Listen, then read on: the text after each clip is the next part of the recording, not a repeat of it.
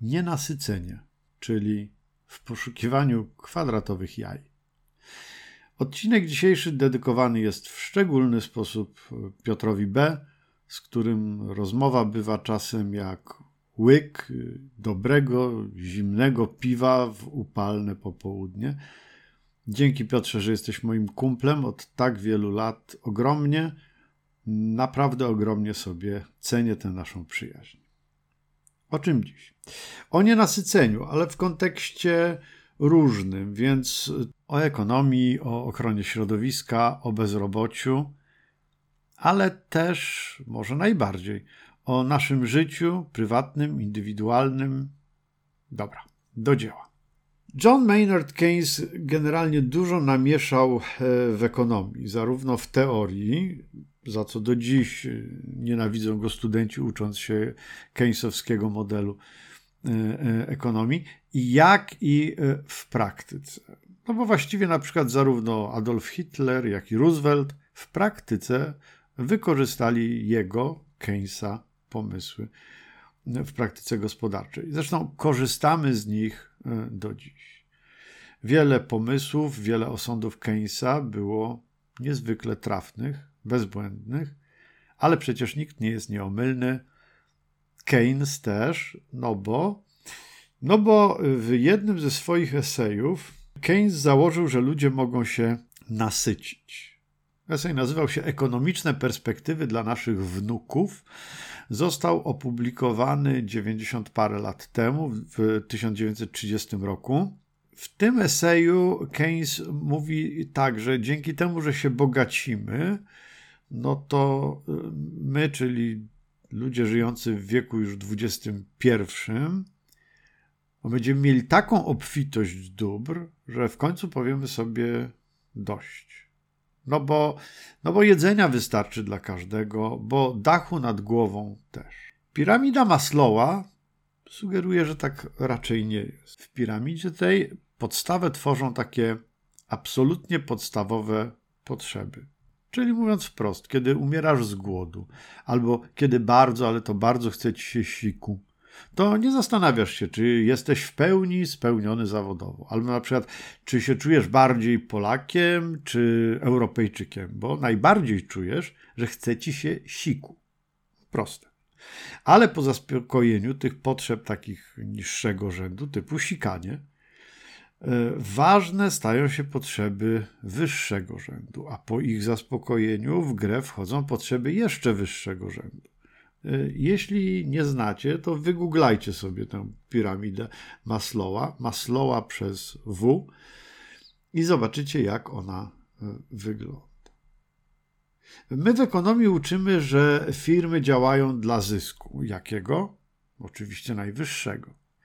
Czyli cały czas trzeba szukać, jak go zwiększyć. No to kiedy będzie dość? Nigdy? Ochrona środowiska wymaga naszego samoograniczenia, ale my chcemy latać na drugi koniec świata na wakacje. Chcemy latać dalej, lepiej, więcej, częściej. Nienasycenie jest motorem postępu, jest motorem wzrostu, y, jest motorem optymalizacji i to wszystko prawda, ale jest też i swego rodzaju przekleństwem. No bo na przykład jeśli automatyzacja będzie ograniczać liczbę miejsc pracy, to my dalej możemy sobie poradzić, możemy podzielić się pracą po 4 godziny dziennie. No, chyba, że się nie podzielimy, no bo przecież chcemy więcej. A więcej dla mnie to bardzo często, no najczęściej, mniej dla innych. Tytułowe kwadratowe jaja nie istnieją, próżno ich szukać. Podobnie jak nie istnieje garniec złota na końcu tęczy. Próżno go szukać? Może nie, jeśli to poszukiwanie jest Twoim celem, ale jeśli poszukiwanie nie jest celem, jeśli chcesz znaleźć, a samo szukanie jest dla Ciebie tylko stratą czasu, to przed taką wyprawą na takie poszukiwania zastanów się, czy warto. Ok, dlaczego zawsze chcemy mieć więcej? Ekonomia i psychologia podpowiadają, że wzrost dochodów generuje nam wzrost zadowolenia z życia. A, pieniądze szczęścia nie dają, to niby wie każdy. y, pieniądze szczęścia nie dają, ale zakupy owszem. No tak podobno zwykła mawiać Marilyn Monroe. Ona nie żyje, więc y, nie obroni się przed tym, nawet jeżeli niesłusznie jest to jej przypisywane. Pieniądze szczęścia nie dają, ale pozwalają być nieszczęśliwym w bardziej komfortowy sposób. No jasne. Ja osobiście też w gruncie rzeczy tak uważam. Problem w tym, że wzrost y, dochodów tworzy zazwyczaj wzrost aspiracji. Mamy więcej, więc po chwili chcemy jeszcze trochę więcej. Często myślimy, że gdybyśmy mieli troszkę więcej niż teraz, to to już by wystarczyło. No nieprawda. Y, wyższy dochód czyni nas szczęśliwszymi, ale jest to efekt przejściowy i on przechodzi szybciej niż byście sądzili. Nudzimy się tym, co mamy. Skoro tak, to by tej nudy uniknąć, chcemy czegoś nowego, nowego, nowego. Porównujemy się do innych, chcemy na ich tle wypadać ponadprzeciętnie. No to, no to więcej, szybciej, dalej. Poziom naszych aspiracji zależy w dużej mierze od tego, co osiągaliśmy w przeszłości. Zapytał mnie ostatnio, retorycznie chyba zresztą, mój dobry bardzo kolega, co zrobić, żeby być takim mocarzem, jak on to określił. W tym byciu mocarzem chodziło o biznes, o jego wzrost, a mnie zastanowiło, jak długo jeszcze będzie chciał więcej i o ile więcej będzie chciał. Ja oczywiście nie znam odpowiedzi na to pytanie, a zastanawiam mnie, czy on zna. Porównujemy się do otoczenia. Im bardziej konkurencyjne jest nasze otoczenie, tym trudniej może być y, być zadowolonym z tego, co się ma. No przecież inni mają więcej.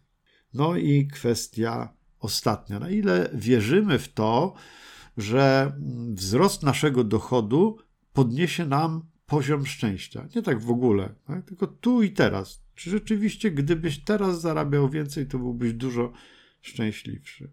No bo to jest trochę tak. Jeżeli dziś masz więcej niż miałeś kiedyś, a nadal nie jesteś szczęśliwy, nie jesteś zadowolony, to co każe ci sądzić, że jak będziesz mieć więcej niż masz teraz, nagle spłynie na ciebie jakiś obłok szczęścia? I wreszcie, czy szukając tego, co lepsze, nie rzucasz czegoś, co w gruncie rzeczy jest całkiem dobre? Nie rewelacyjne, nie, nie, ale, ale całkiem dobre. Bo przecież nie darmo mawia się, że lepsze jest wrogiem dobrego. Inspiracją do tego odcinka był tekst e, Piotra Michonia publikowany w ramach Ekonomii Szczęścia i on tam między innymi opowiada, że było takie przyjęcie e, wydane przez jakiegoś tam obłędnego miliardera, na którym e, było dwóch pisarzy, był Kurt Vonnegut i był Joseph Heller. Kurta Vonneguta może znacie z Kociej Kołyski na przykład, czy ze słynnej rzeźni. Natomiast Joseph Heller znany będzie wszystkim tym, którzy czytali powieść Paragraf 22. Ciekawa też książka, lubię ją. Tenże właśnie e, Kurt Vonnegut mówi Hellerowi, że ich gospodarz, ten jakiś obłędny miliarder, w ciągu jednego dnia, w ciągu jednego dnia, zarobił więcej pieniędzy niż Heller kiedykolwiek na tej swojej powieści Paragraf 22. No i to oczywiście jest imponujące, ale Heller mówi: No tak, ale ja mam coś, czego on nigdy nie będzie miał, mówi Heller. No i tu mógłbym was zostawić zagadką, co to takiego jest, tak? Co Heller miał, a tamten obłędnie bogaty człowiek nigdy nie będzie miał. Ale nie zostawię was zagadką. E, takie pytanie właśnie zadał Fonego, co to takiego, tak? A Heller odpowiedział: Ja mam wystarczająco. Życzę Wam, żebyście mieli wystarczająco i żebyście obracali się w towarzystwie tych, co mają wystarczająco, bo jak mówią, syty głodnego nie zrozumie. Zatem nienasycony nie zrozumie się z nasyconym. W tym przypadku przeciwieństwa, wbrew prawom fizyki, nie przyciągają się, lecz odpychają. Z dwojga złego to już lepiej, gdy nienasyceni trzymają się razem, bo może razem dojdą do czegoś niezwykłego. Garnca złota na końcu tęczy, czy choćby tych tytułowych kwadratowych jaj. Ja jednak życzę Wam hellerowskiego nasycenia. Miejcie wystarczająco. Miejcie dość. No i myślę, że właśnie chyba już powinniście mieć dość także mnie. Y, czas się żegnać. Zapraszam serdecznie za tydzień. Do usłyszenia.